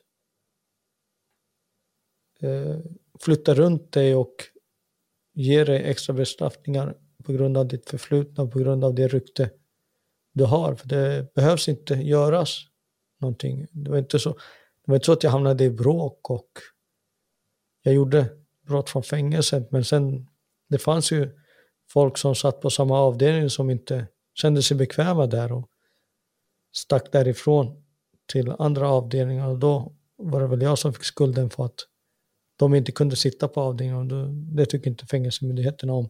Att de var rädda för dig? Typ. Ja, att fångarna styr och ställer inom fängelset så att säga. Ja. Mm. Och, och det här var inte bara någon, någon ursäkter som de drog då för att få rycka upp dig, eller man säger, alltså rycka ut dig från det du höll på med. Hur menar du? Ja, men du pluggade, du jobbade, ja. du försökte göra rätt för dig och sen kommer de och så ändrar de alla rutiner. Mm. Ja, men det gjorde de rätt ofta. Och, och vad heter det? De skyllde hela tiden på att jag har för stor påverkan och inverkan på andra fångar. Men du höll dig ganska mycket för dig själv om jag förstår det rätt? Jag vet inte för mig själv. Jag, jag är som jag är. Jag menar, jag trivs bland folk. Och, men det var inte så att jag ställde till något problem. Det gjorde jag verkligen inte. Men du satt liksom inte och föreläste hur man mördar gangsterkungar Nej, på fängelse? absolut inte. Det är inte idiotiskt. Nej, det gjorde jag verkligen inte. Mm. Hur, hur, är stämningen inne på ett fängelse? Vad pratar man om? Man pratar om allt möjligt. Ibland är det som stämningen som på en jävla dagis. Och ibland är det mer seriös. Det är väl som livet i övrigt också. Så Har du någon eh, rolig historia som du kan dela med dig från din kommande bok? jag vet inte, jag kan ta det sen i slutet av, vad heter det, straffet, eller i slutet av den här podcasten kan jag tänka ut något bra därifrån. Yes, och inne då i fängelse mm. så, så bestämde du dig för att nu, nu ska du förändra allting och, och ett, ett wake-up call för dig var när du blev pappa. Ja, absolut. Och då fick du också uppleva hur det var med att vara pappa i fängelse och det här satte dig på nya tankar. Vad var det som hände här? Vad var det som förändrades? Vad var det du gjorde? Det som förändrades mest med mig var att jag märkte hur någon annan person led väldigt mycket på grund av det jag har gjort, på grund av mina brott. Visst hade mina brottsoffer också lidit och mina familjemedlemmar, men när min egen dotter grät efter besöken, hon ville stanna kvar på besöken, hon ville att hennes pappa skulle vara hemma på jularna och födelsedagarna, på skolavslutningarna och sånt här. Och jag kunde inte uppfylla de önskan så jag kände mig som en riktig skit. Riktigt dålig farsa. Så sakta men säkert började det växa att nej, det funkar inte det här. Jag kan inte utsätta min dotter för det här. På grund av de brott, på grund av det kriminella liv som jag har levt, eller lever. Så jag var tvungen att ändra mig. Och man, det, man var tvungen att se sig själv i spegeln helt enkelt och bestämma sig för att nej, nu måste man börja leva helt enkelt för någon annan. Och sen var du med och startade en, en förening, Maskrosbarn. Mm. Hur, hur, hur startade, hur kom idén? Och vad var det som hände i början? Ja, idén kom i och med att jag såg min dotter lida och då märkte ju, vi visste ju att det fanns hur många som helst barn i Finland och runt om i världen som har föräldrar i fängelse som lider oskyldigt. De har inte gjort ett skit och de lider på grund av det deras föräldrar har gjort. Så jag ville göra någonting helt enkelt. Jag ville göra det bättre för dem. Alla barn. Jag ville dra mitt strå till stacken. Så jag började forska i det där eh, och då tänkte jag att jag kan skriva en bok. Det kan vara min grej om mina erfarenheter. Så jag skrev en bok och jag skrev lite grann om mig själv. Och så recenserade jag massa forskning och annat. Och släppte den. Och i och med det släppet så fick jag kontakt med organisationer här som jobbar med barn som har föräldrafängelse. Och ett samarbete började sakta men säkert. Så vi började planera massa saker så jag började med att arrangera en gratis konsert för barn här med finska rapartister. De kom och uppträdde, barnen fick lyssna på dem. Och sen gjorde vi en musikvideo. Jag skrev en låt till min dotter. Var ett par finska rappare rappade. Och så började det sakta men säkert. Sen började vi ordna andra tillställningar. Men det var ju så att de här anordnade som privatperson. De fick inte så mycket genomslag för det var inte... Folk såg det inte seriöst helt enkelt. Att någon, en livstidsdömd fånge från fängelset anordnar sådana här. Alltså. Det var en kvinna som sa till mig att jag borde starta en organisation eller någon förening. Då har det mer genomslagskraft. Så jag och några andra startade Maskrosbarn här i Finland. Och sen eh, började vi ställa, eller göra olika projekt vad barnen fick hitta sin talang. Vi visste att det var många som led av dåligt självförtroende och det var många som blev mobbade i skolan för att deras föräldrar sitter i fängelse. De känner skam. Det var många som lever i fattigdom för att den ena föräldern inte är hemma och kan dra sitt strå till stacken. Så vi ordnade ett sådant här projekt som vi kallade Finn din talang, eller Hitta din talang helt enkelt. Och där var det workshops var eh, barn till fångar fick gå på olika workshops var de lärde sig och göra en låt med finska rappare. Ända från det att de fick ut sina tankar på pappret, fick gå till studion, fick de göra en egen låt och så hade de en konsert i slutet av de här workshopen. Det var tio stycken workshop. Sen ordnade vi fest, julfester där barn fick julklappar och så här. Eh, och så gjorde vi även ett häfte, eller en liten bok som vi skickade runt till alla finska grundskolor. Jag tror det var 3200 stycken som vi skickade ut till. Och där fick vi finansiering av eh, kulturministeriet här i Finland. Och vi har fått bidrag från andra ställen också för att kunna genomföra allt det här. Mm. Och den här idén då kom när du satt inne i fängelse mm. och det blev ganska personligt för dig att ja. kämpa för de, för de här barnen. Verkligen, jag brann verkligen för det där. Jag var den som grundade, jag var ordförande, jag är fortfarande ordförande för den föreningen, så jag brinner verkligen för det där. Men fängelset var inte riktigt hjälpsamma? Nej. De tyckte att det här var mer en hobby för mig. Även fast vi fick finansi finansiering från staten till det här. Alltså, fängelserna och fängelsemyndigheterna tyckte väl att det här var mer en hobby och det var väl bara någonting som jag försökte rent få mitt rykte med. Mm. Och de, de motarbetar dig ganska frekvent kan man väl säga? Ja, det var ingen direkt hjälp därifrån, utan det var mer sätta käppar i hjulet. Och det här blev ju nästan ganska löjligt ett tag. Ja, det blev för det var ju andra organisationer som ville ha kontakt med mig och ville ha möte med mig. Och fängelset ställde inte upp på någonting så det... Det, det var löjligt. Och, och sen vid ett tillfälle så hamnade du på ett seminarium som talare där en person som var en nyckelspelare in, inom att inte hjälpa dig. ja, det var mm, en kvinna som hade, jobbade som eh, jag vet inte vad det heter, men hon jobbade inom planeringsenheten, placeringsenheten här i Finland som gör de här verkställighetsplanerna som bygger på vad man ska göra under tiden man sitter. Där lägger man fram, det är som en karta ungefär, som hur fången ska rehabiliteras tillbaka till samhället. Så det var hon som hade gjort min, den här verkställighetsplanen. Det var hon som hade skrivit in där vilka var målen och hur jag skulle gå tillväga för att nå de målen så att säga. Och där, målet var ju självklart att jag ska bli rehabiliterad och lägga ner brott. Och det här var ju perfekt för det enda målet. Att ju mer jag höll på med sånt här så ju längre ju, eller ju mer distans fick jag till den brottsliga världen. Den kriminella världen.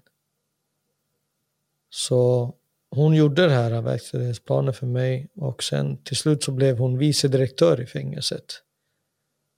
Men det hjälpte inte ett skit alltså. Så, men till slut anordnades ett seminarium och vi blev inbjudna som talare där, föreläsare, både hon och jag och några andra. Och så satt vi, hade en typ presskonferens där fyra stycken personer var olika medier intervjuade oss. Och hon kände sig väldigt obekväm. Sitta i samma vad heter det, presskonferens som mig. Och hon försökte ju få det till att vi fångar inte bryr oss om våra barn och vi pratar inte med plitarna om våra barn och sånt här. Så det är inte konstigt att vi inte får ha någon kontakt eller någon familjebesök och sånt här. Men jag la ju fram att nej, det stämmer ju inte. Det, är klart vi bryr oss om våra barn. Vi är inga djur, är inga idioter. Såg de er som djur? Ja, det var det verkligen. Och barnen, det var ungefär så att barnen och andra familjemedlemmar fick skylla sig själva för att de är barn till kriminella eller, eller någon familjemedlem, någon fru är till, gift med en kriminell så hon får väl skylla sig själv i sådana fall. Hon har väl gjort sitt val. Det var väl det den synen hon hade. Men jag motbevisar ju det där. Och visar att vi bryr oss verkligen om våra barn och det här vi brinner för. Så det blev ju löjligt för henne. Mm. Och, men, fick du sen då till sist tala på den här eh, konferensen? Ja, absolut. Absolut. Det, var, det började ju så att de skickade mig en inbjudan och då gick jag och pratade med hon, för jag visste att hon också var inbjuden som föreläsare på samma seminarium.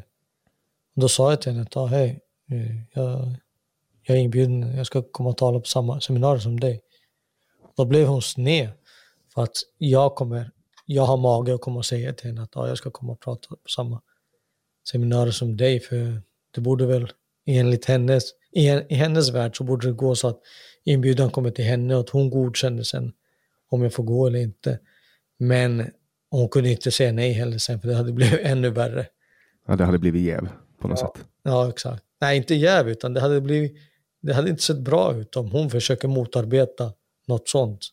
Ja, när ni ändå var i samma, ni jobbar mot samma mål. Exakt. Så hon var ju tvungen att ge mig några timmars permission bevakad med plitar då dit. Så vad heter det?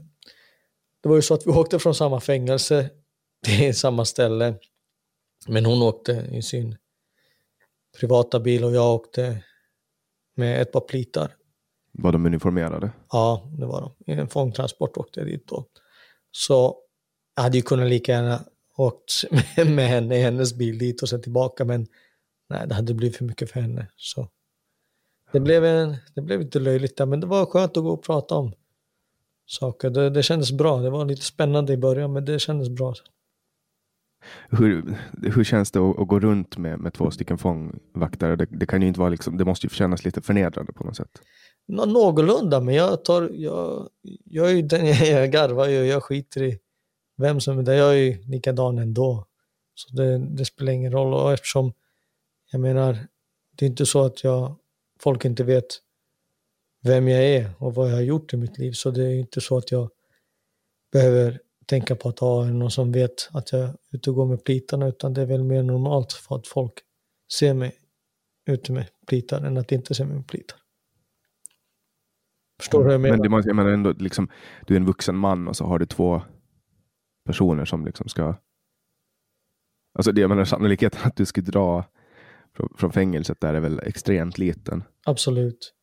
Ja, men det, självklart vill man vara fri, man vill vara självständig och gå. Men det är ju bara att gilla läget. Sitter du inne och är på permis, beredsaget permis, då är det bara att gilla läget. Jag menar, då, då sitter du inte och tänker på hur förnedrande det är och går med två plitar. Då, utan då sitter du och tänker, fan vad nice det är att man är ute överhuvudtaget. Mm.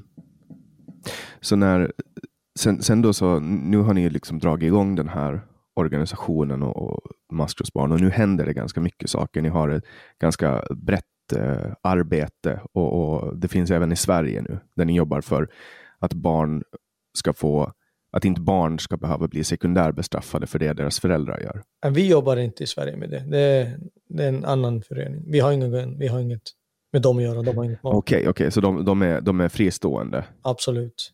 Jag tror till och med att maskrosbarn i Sverige var före oss maskrosbarn i Finland.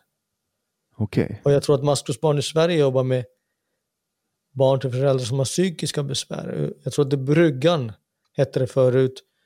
Och vad kan det heta nu för tiden? Jag vet inte vad det heter nu, men maskrosbarn i Sverige har jag för mig att jobba med barn som har, eller föräldrar som har psykiska problem. Okej, okay, just det. Okej, okay, men det, eh, ni finns i Finland och, och, och, har du märkt att det har blivit någon förändring genom ert arbete? Jag har ju märkt att det har blivit förändring genom åren jag har suttit. Men sen vet jag inte om det är vårt arbete som har påverkat. Men jag vet att vi har lyft upp problemen i varje fall, det vet jag. Det har blivit mycket ändringar på det vi har lyft upp. Men är det sen på grund av oss eller på grund av något annat? Det kan jag inte säga. Vi kan inte ta ära för det, men jag, det kan vi ta ära för att vi i varje fall har gjort det vi har kunnat och vi har lyft upp det här, de här problemen. Mm. Och nu, nu, har du fått, nu har du varit på permission i någon månad, så du har fått vara, avtjäna sista delen av straffet ute då med fotboja. Ja, nu har jag varit ute ett par månader här med boja. Så det, det, är på något sätt, det är inte att du sitter i fängelse och sen en dag så får du komma ut, utan det blir en, liksom en stegvis utslussning. Mm. Fyra månaders utslussning blev det. Och enda skillnaden är att den första mars så tar de bort bojan och sen slutar de titta på dig. Ja, exakt. Och så får jag röra mig lite friare. Nu har jag vissa tider som jag måste vara på vissa ställen och så. Och vissa sådana här kontrollsamtal måste jag ringa då och då. Men så det... Är det på något sätt efter första mars, är du helt frigiven då att du får åka vart du vill? Mm, det... Ingen villkorlig dom? Nej, alltså jag har ju del och jag måste gå hos övervakaren, så jag har tre år villkorligt så att säga. Men, eh, och så går jag hos övervakaren. Men annars är jag fri. Mm. Så du har ytterligare tre år då som du måste infinna dig på vissa platser vid vissa tidpunkter? Ja, hos övervakaren. Jag har tre år som hänger över mig hela tiden. Men eh, ju bättre saker och ting ja. utvecklas så blir det bara bättre och bättre. Och du har inte varit i Sverige på 17 år? Nej, det har jag inte varit. Hur känns det? Och tanken på att få komma tillbaka och se ditt gamla Stockholm som du växte upp i? Ja, det känns skönt. Det ska bli kul att komma dit och träffa vänner och jag har familjemedlemmar där borta också. Det ska bli kul att träffa dem och sen se gamla ställen man har växt upp på. Så det... du kommer inte att känna igen dig när du kommer med, du kommer antagligen med en färja. Eh, och så det första du ser är nya Slussen. Liksom. kommer, inte känna igen dig, de har gjort om allting. Liksom. Det kan jag tänka mig. Massa, massa nya hus och, och sånt. så har du inte sett liksom, nya Tele2 Arena till exempel, eller Friends Arena och alla de här sakerna som har byggts. Liksom. Finns inte Kolingsborg kvar på Slussen? Det, det, det, vet jag inte. Jag vet inte ens vad det är för någonting. Jag är så ung. Men jag menar, för att ta sig ut till Jordbro, då kör man ju på Nynäsvägen, eller hur? Exakt. Och då kommer du att köra förbi liksom Tele2 Arena som är helt ny. och sådana saker. Så det, och så kommer det, det finns ett nytt hus i Hammarby sjöstad. Um, som de har byggt här om året. Det finns säkert jättemycket de har byggt under de 17 åren som du har varit inne. Men Nej. vad är det första du ska göra när du kommer till Stockholm? Det vet jag faktiskt inte. Jag ska bara njuta av och gå runt där och kolla. Med ansiktsmask? ja. Använder ni där i Sverige nu? Alltså det är få som gör det, det är hemskt. Alltså det, är, det är jättefå som gör det. Okej, okay, här har vi det hela tiden. Ja, nej, alltså det, jag förstår inte vad de håller på med. Det är en helt annan diskussion. Men... Ja, visst. Okej, okay, så du kommer tillbaka då efter 17 år och du har ju missat ganska mycket i teknologisk utveckling, jag menar datorer, smartphones och sånt. Hur, hur är det att komma ikapp med det? Men faktiskt har jag så inte missat så mycket. Man kan tro att jag har missat, men jag, var ju, jag pluggade jag hade frigång i tre år, så jag pluggade. Och då hade jag ju smartphone hela tiden. Och jag menar, vi hade datorer på skolan, så jag menar, då lärde jag mig allt det här. Så det är faktiskt inte så att jag, har, att jag ligger så mycket back. Men det är liksom platser du inte har fått se. Ja, Sånt. det är det. Och sen är det mycket som, vad heter det, man lär sig ändå fast man hängde med där i skolan och så. Så, så det är ändå mycket man måste lära sig. Och sen är det den här med anpassningen. Du vet för att man, man lever inte kåklivet här ute. Det är inga så strikta rutiner och sånt här. Så jag menar det, det, det är mycket att lära sig. Här och det är mycket att anpassa sig. Finns det något skönt med att sitta i fängelse? Lugn och ro. det saknar jag ibland att bara bli inlåst. Bara vara i en cell tyst för sig själv och bara njuta av lugn och ro. Det där saknar jag verkligen. Jag, jag, ringde, när jag har de här kontrollsamtalen som jag måste ringa till kåken. Så första veckan när jag varit ute så ringde jag dem och sa jag kommer dit och en helg så jag, kommer, jag kliver in på Isol en helg så isolering då. Så får jag vara lite lugn och ro. Fick du det? Nej, de sa vi tar inte emot det längre. så det där saknar jag faktiskt. Men eh, jag byter verkligen inte det med, mot tiden med familjen. Jag har en underbar sambo här, en underbar dotter. Så det finns ingenting jag skulle byta mot det. Hur är sängarna inne i fängelse då? Nej, de är inte bra. Han är ju väldigt mycket bättre här. Och sen har... Men alltså var, varför kan de inte ha bra sängar om, om man tillbringar så jävla mycket tid där inne? Varför kan de inte ha en Eller bra hur? säng? Eller hur? Hör det till att det ska vara obekvämt eller? Ja, det tror jag. 16 timmar om dygnet satt jag i cellen. Nu fortfarande för någon månad sedan. Så jag menar, som du säger, visst vore det skönt med en riktigt skön säng där, men, men nej, det är inte värt. Och hur är det med gym och så? Ja, på kåken så förr i tiden var det jävligt bra gym. Nu är det ju är det inte så bra gym längre. De har dragit ner på det också. Varför? Det är väl också med det där att man inte ska ha det för bra på kåken. Det, För i Sverige har de jävligt bra, om jag har förstått det rätt. jag vet inte. Jag, ja, Okej, jag vet inte. Jag har inte suttit så länge på Sverige. Jag har inte haft någon kontakt med någon som har suttit nu i Sverige också. Men jag, jag tror att det ligger i, här i Finland att fångar ska inte ha det för bra helt enkelt. Får ni ha dator som inte är uppkopplad på internet? Nej. Får man inte. Hur skriver du och så då? På papper? Skrivmaskin? gammal skrivmaskin skrev jag böckerna. Men den här sista boken skrev jag faktiskt på dator för eh, i skolan så att säga i, inne på kåken. Där fanns datorer. Så när man var på dagtid när man var i skolan så fick man sätta sig och skriva där. Hade ni internet då? Nej, absolut inte. Det får man inte ha. Jag hade ju Word-program som jag skrev i. Men jag måste säga att det har gått framåt på kåkarna också. Telefon, man får ringa fler nummer, man får ringa mycket mer på kåkarna. Och vissa saker har gått framåt, vissa saker står stilla fortfarande. Men i det stora hela så det är inte bra. Man, man ska helt, helt enkelt inte sitta i fängelse. Så man ska väl njuta av allting man har här ute helt enkelt. Mm.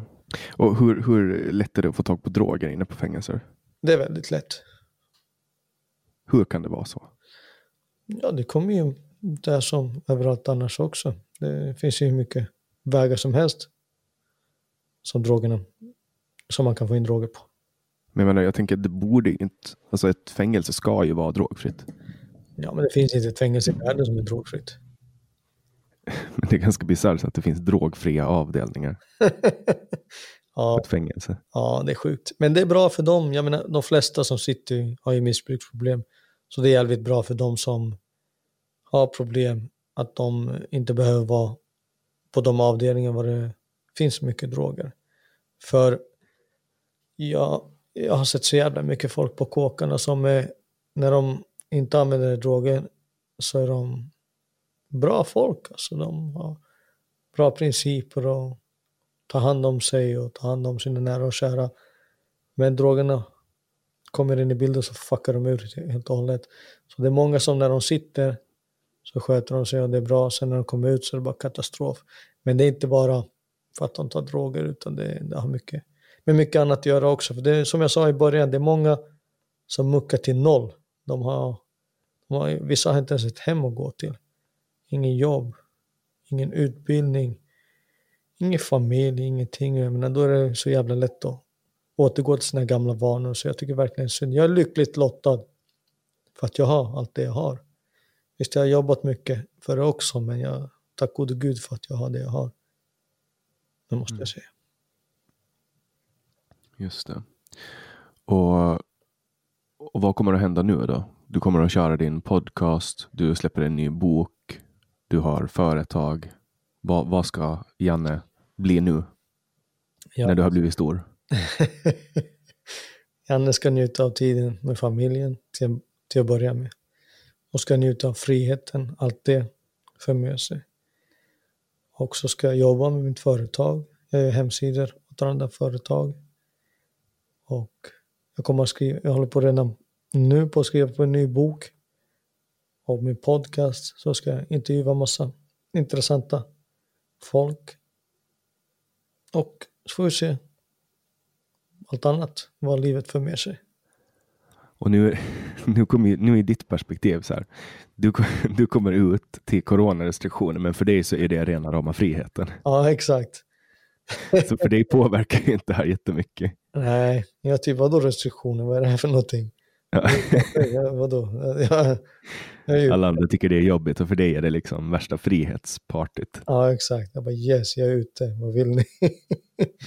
Ja, men Vad är är det för- tråkigt att det är så här, men det, ja, vi kommer att ta oss igenom det här också, det är inget mer än så. Vad är det första du ska göra när du tar dina första steg som en fri man i mars? Då ska jag faktiskt gå med familjen och äta någon god middag och njuta av något gott vin, för jag får inte dricka någon alkohol nu. Inte, Så det var ingen 17 vin. år sedan du var full sist. Ja, nej, det var det inte. Jag har ju, på kåken har jag inte, man har ju tagit ett par fyller på kåken. Så jag kan inte säga att jag har varit utan alkohol 17 år. Men eh, nu dricker jag ingenting. Men jag saknar det där också, en god vin. Eller något gott vin till maten och kanske någon öl i bastun. Något sånt saknar jag också. Så det blir väl en god middag med familjen. Och sen börjar vi planera någon utlandsresa. Fick du bad och bastu i fängelse? Ja, en gång i veckan. Var det fest då? Nej, men det, det hör till finska sederna. Så det är kul. Jag har alltid tyckt om bastu och kommer alltid tycka om det också. Så det är nice.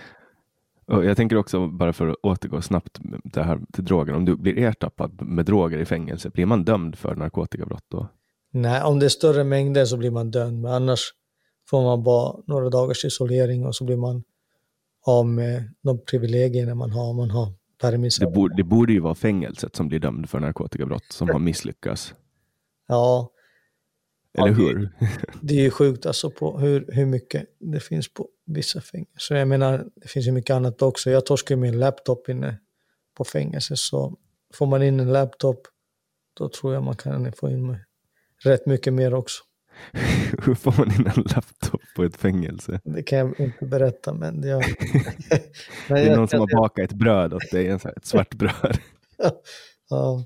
Men det underlättade min tid. Jag hade den sju månader, så då hade jag internet också. Så det, det, underlättade tiden när jag satt faktiskt och gjorde det. Men du måste ju sitta liksom beredd att gömma den ifall någon kommer. Eller Hör du om någon kommer? Ja, man hör någon komma. Så har man vissa gömställen och men eh, så blir man alltid ertappad till slut, så är det bara.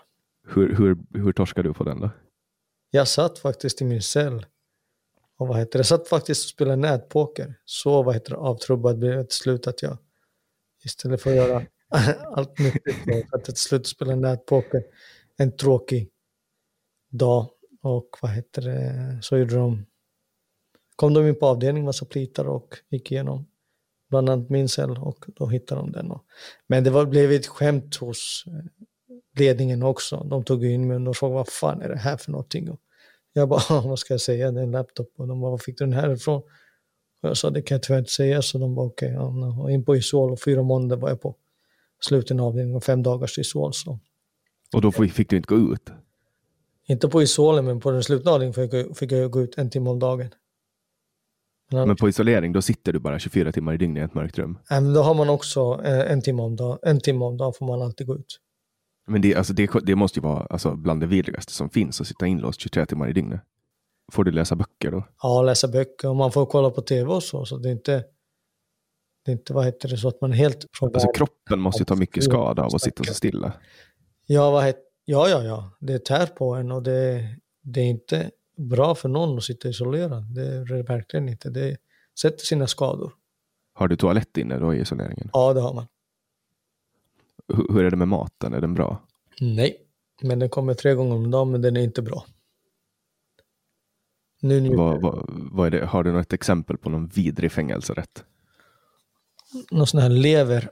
Jag tycker inte om steklever. Leverlåda kan jag äta på julen, men jag tycker inte om lever annars. Så det är sån här leversås levergryta ungefär. Som de, den luktar inte bra, den smakar inte bra. Och du får inte liksom önska så här vegansk mat eller något sånt? Jo, faktiskt får man det nu för tiden. Men eh, det är väldigt få som gör det. Det är väldigt få veganer på kåken. Jag tror att veganer Ja, är laglydiga än andra. Jag kan tänka mig det. Veganer de är, de är inte be- benägna att, att eh, begå brott. Nej. De är, de är så svaga av sin kost så att de kan liksom inte slå någon. Och de orkar inte lyfta en pistol heller. Så. Eller annars de bara så mycket smartare och inte gör det. så kan det också vara, men jag vet inte. Så ja, nu har vi ju pratat ungefär den tid vi, vi sa att vi ska prata och jag tycker att det har varit spännande att få en inblick. Um, Men är det någonting du känner, vi har ju lite, lite tid kvar. Är det någonting du känner att vi behöver lyfta upp som vi, som vi inte har gjort? Du skulle ju berätta en fängelsehistoria, så var det. Ja, just det. Nu ska jag ta någon som inte är för allt för, allt för vad heter det, sjuk heller. För det fanns massa sjuka, men jag vill inte... Alltså helst det sjukaste du har. Okej, det här är en rätt rolig historia. Det var en kille som gick på permis från kåken och han var ju, han var ju överglad för att äntligen få permis. Och som jag sa på permis, de kollar ju när man kommer tillbaka, man får ju blåsa och man måste lämna pissprov när man kommer tillbaka. Så vad heter det? Men ändå så är det många som festar på, när de är på permisar. Jag tänker att de hinner festa till typ, vi säger 12 på natten så hinner de dricka så hinner det gå ur. Tills eh, man ska tillbaka nästa dag klockan fyra kanske. Så han körde igång på en gång när han klev ut ur kåken. Han började kröka. Där hans polare kom och hämtade med båge. Han tog på sig sin väst. Han var, eh, han var med i ett mc-gäng. Han tog på sig sin väst och bara körde iväg med bågen och började kröka till klubben. Och det slutade ju inte vid tolvtiden, utan han körde ju på där. Så vad heter det, på morgonen så vaknade han och bakfull som fan. Och så en annan kille där som inte var så smart sa till honom att här, ta lite tjack för det drar ner promillen sen. Så om du måste blåsa när du går tillbaka så syns inte, så torskar du inte på promille på den här alkometern. Så han drar i sig tjack och blir påtänd där. Och så tänker han, fan, tänk om de säger att jag är påtänd. Eller tänk om de ändå misstänker att jag har druckit så får han en snilleblixt. Han tänker att jag kör tillbaka med bågen till kåken. Och ser mig att, ah, okej, här kommer en båge, så han, den här killen har ver- verkligen inte druckit. Så han kommer tillbaka där och han har ångest och kliver in där. Så Peter, ah, hur gick permisen? Nej, men det gick bra. Har du festat? Nej, jag har inte festat någonting. Okej, men, men vi kör här uh, alkometern här så kollar vi hur det ligger till då. Så han blåser ju alkometern och det här har inte gått ner promille någonting utan den, det blir bara värre och värre och värre. Han, de visar han screenen hur det bara går från 0,5 eh, promille till 1 promille till 1,5 till 2 promille.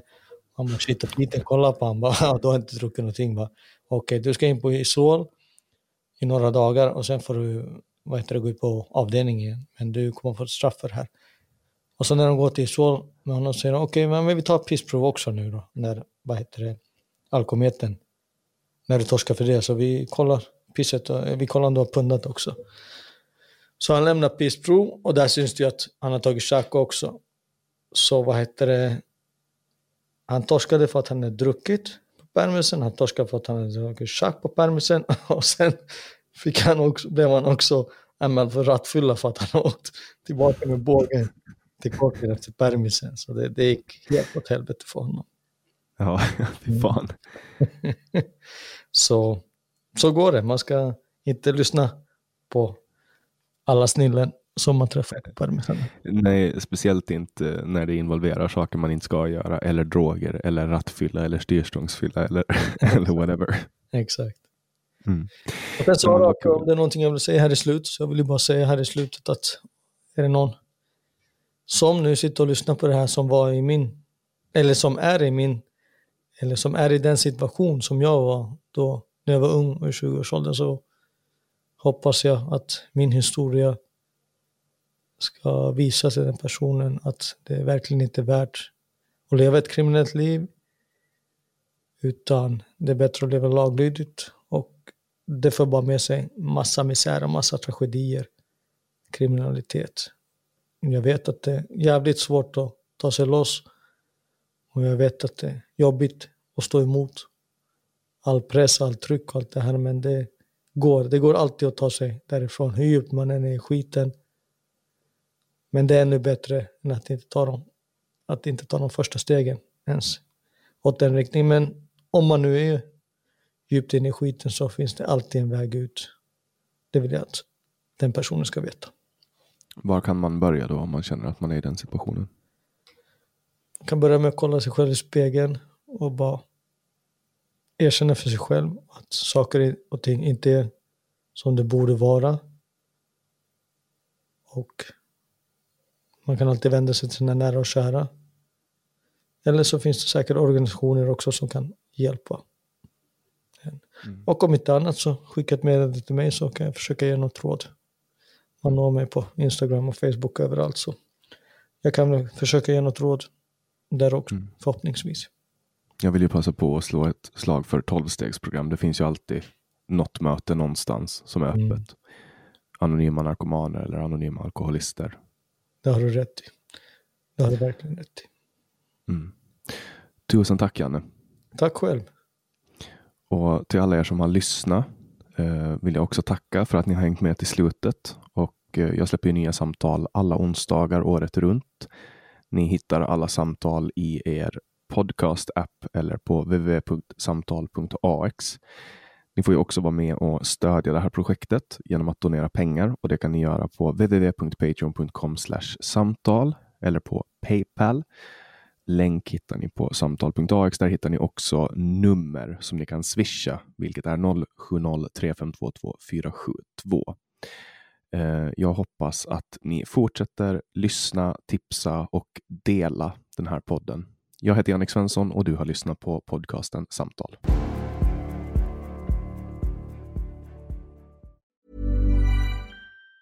Mom deserves the best and there's no better place to shop for Mother's Day than Whole Foods Market. They're your destination for unbeatable savings, from premium gifts to show-stopping flowers and irresistible desserts. Start by saving 33% with Prime on all body care and candles. Then get a 15-stem bunch of tulips for just $9.99 each with Prime. Round out Mom's menu with festive rosé, irresistible berry chantilly cake, and more special treats. Come celebrate Mother's Day at Whole Foods Market. A lot can happen in the next three years. Like a chatbot may be your new best friend. But what won't change? Needing health insurance. United Healthcare Tri Term Medical Plans are available for these changing times. Underwritten by Golden Rule Insurance Company, they offer budget friendly, flexible coverage for people who are in between jobs or missed open enrollment. The plans last nearly three years in some states, with access to a nationwide network of doctors and hospitals. So, for whatever tomorrow brings, United Healthcare Tri Term Medical Plans may be for you. Learn more at uh1.com. When your skin feels nourished and glows, you radiate confidence. Osea makes giving your skin a glow up easy with their clean, clinically proven Mega Moisture Duo. This seaweed powered duo features two of Osea's best sellers, Undaria Algae Body Oil and Undaria Collagen Body Lotion. Glow from the inside out. Get 10% off your first order with code GLOW at OseaMalibu.com. That's O S E A Malibu.com code GLOW.